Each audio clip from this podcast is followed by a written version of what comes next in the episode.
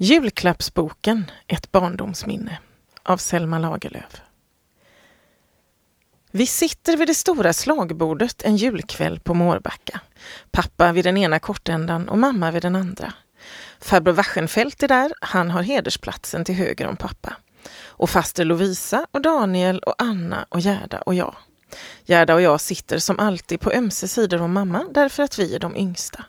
Jag kan se det allt sammans. Vi har redan ätit både lutfisk, risgrynsgröt och smörbakelser. Tallrikar, skedar, knivar och gafflar är bortskaffade. Men duken ligger kvar. De två hemmagjorda grenljusen brinner i sina stakar mitt på bordet. Och runt om dem står ännu saltkaren, sockerskålen, bordstället och en stor silverbägare fylld till bredden med julöl. Eftersom måltiden sålunda är slutad borde vi resa oss upp, men det gör vi inte. Vi sitter kvar i väntan på julklappsutdelningen. Det finns inget annat ställe i trakten där man delar ut julklapparna vid kvällsbordet efter att ha ätit julgröten. Men det är ett gammalt bruk på Mårbacka och vi tycker om att ha det så. Ingenting går upp mot att gå och vänta timme efter timme, en hel lång julafton och veta att det bästa återstår. Tiden går långsamt, mycket långsamt.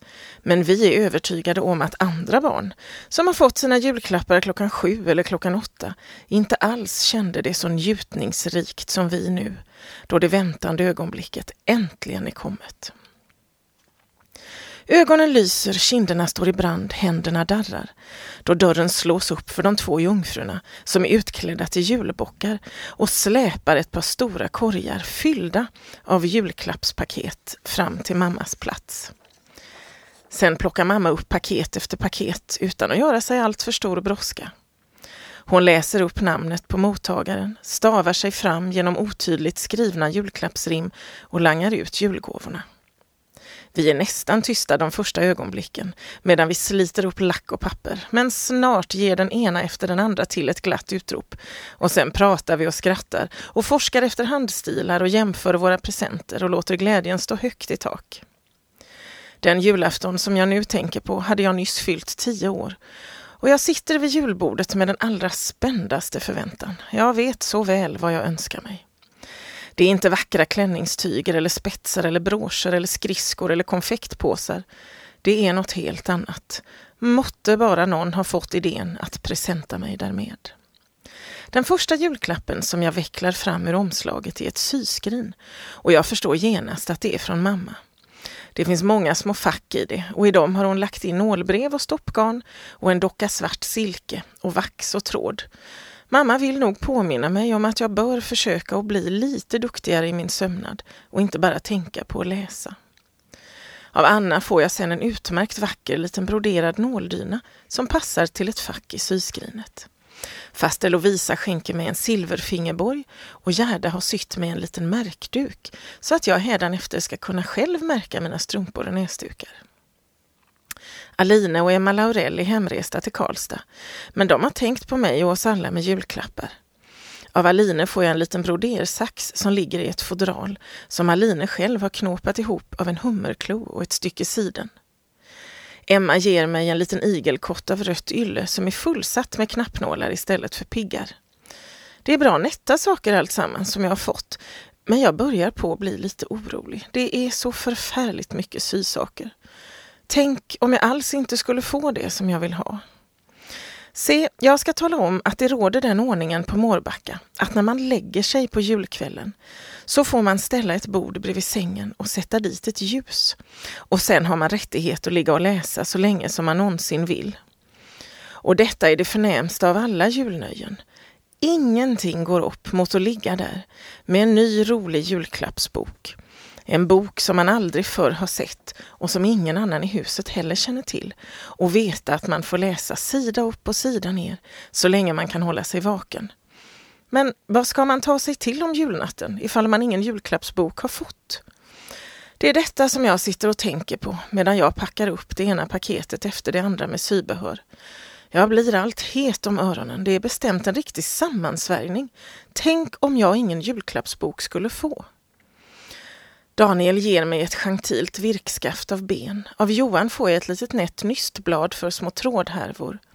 Och till sist kommer pappa fram en stor present, en broderbåge, som han har beställt hos den utmärkta snickaren i Askersby.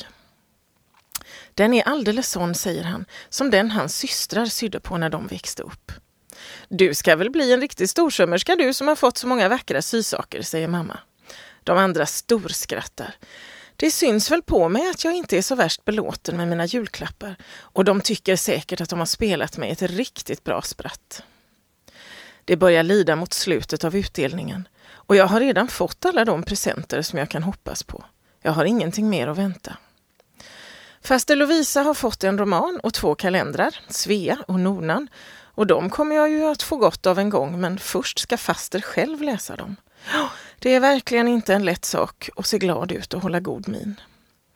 Då mamma lyfter upp det sista paketet ur julklappskorgen ser jag på fasonen att det är en bok. Men naturligtvis är den inte till mig. Det är nog överenskommet att jag ingen bok ska få. Men paketet är verkligen adresserat till mig och när jag har det i mina händer känner jag genast att det är en bok. Jag blir röd av glädje och jag riktigt skriker i min iver och får låna en sax och klippa av snörena. Jag sliter upp pappret med våldsam fart och jag ser framför mig den allra vackraste lilla bok, en sagobok. Det kan jag förstå av bilderna på omslaget. Jag känner att alla vid bordet tittar på mig. De vet naturligtvis att detta är min bästa julklapp, den enda som jag har blivit riktigt glad åt. Vad är det för bok du har fått? säger Daniel och böjer sig fram över mig. Då slår jag upp titelbladet och blir sittande och stirrar. Jag förstår inte ett ord. Låt mig se, säger han och så läser han. Nouveau conte de pour les petits enfants par Madame la Comtesse de Ségur. Han lägger ihop boken och ger den tillbaka till mig.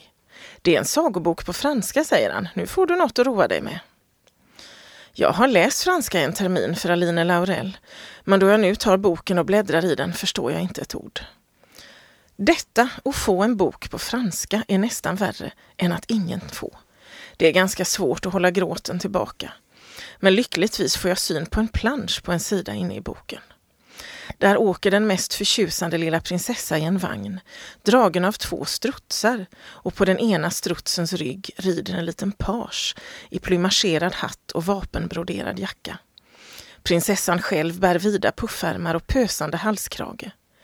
Strutsarna har höga panascher på huvudet och remtyget utgörs av breda guldkedjor. Man kunde inte se något nättare. När jag bläddrar vidare finner jag en hel rikedom av planscher föreställande stolta förstinnor, präktiga kungar, ädla riddare, strålande feer, avskyvärda trollpackor, underbara sagoslott. Det är ingen bok att gråta över, även om den är på franska. Under hela julnatten ligger jag sen och tittar på bilderna, framförallt på den första med strutsarna. Den ger underhållning för tillräckligt många timmar. På juldagen, sen vi har varit i julottan, tar jag fram ett litet franskt lexikon och börjar läsa franska. Det är svårt. Jag har ju bara studerat efter Grönlunds metod. Om det här i sagorna talades om den store mannens lilla hatt eller den gode snickarens gröna paraply, då skulle jag ha förstått. Men hur skulle jag kunna reda mig med en sammanhängande fransk text? Sagoboken börjar så här. Il y avait un roi. Vad betyder det? Det dröjer visst en timme innan jag är i stånd att begripa att det ska översättas med Det var en gång en kung. Men teckningarna lockar. Jag måste få veta vad de föreställer. Jag gissar och jag letar i lexikonet och jag arbetar mig fram rad för rad.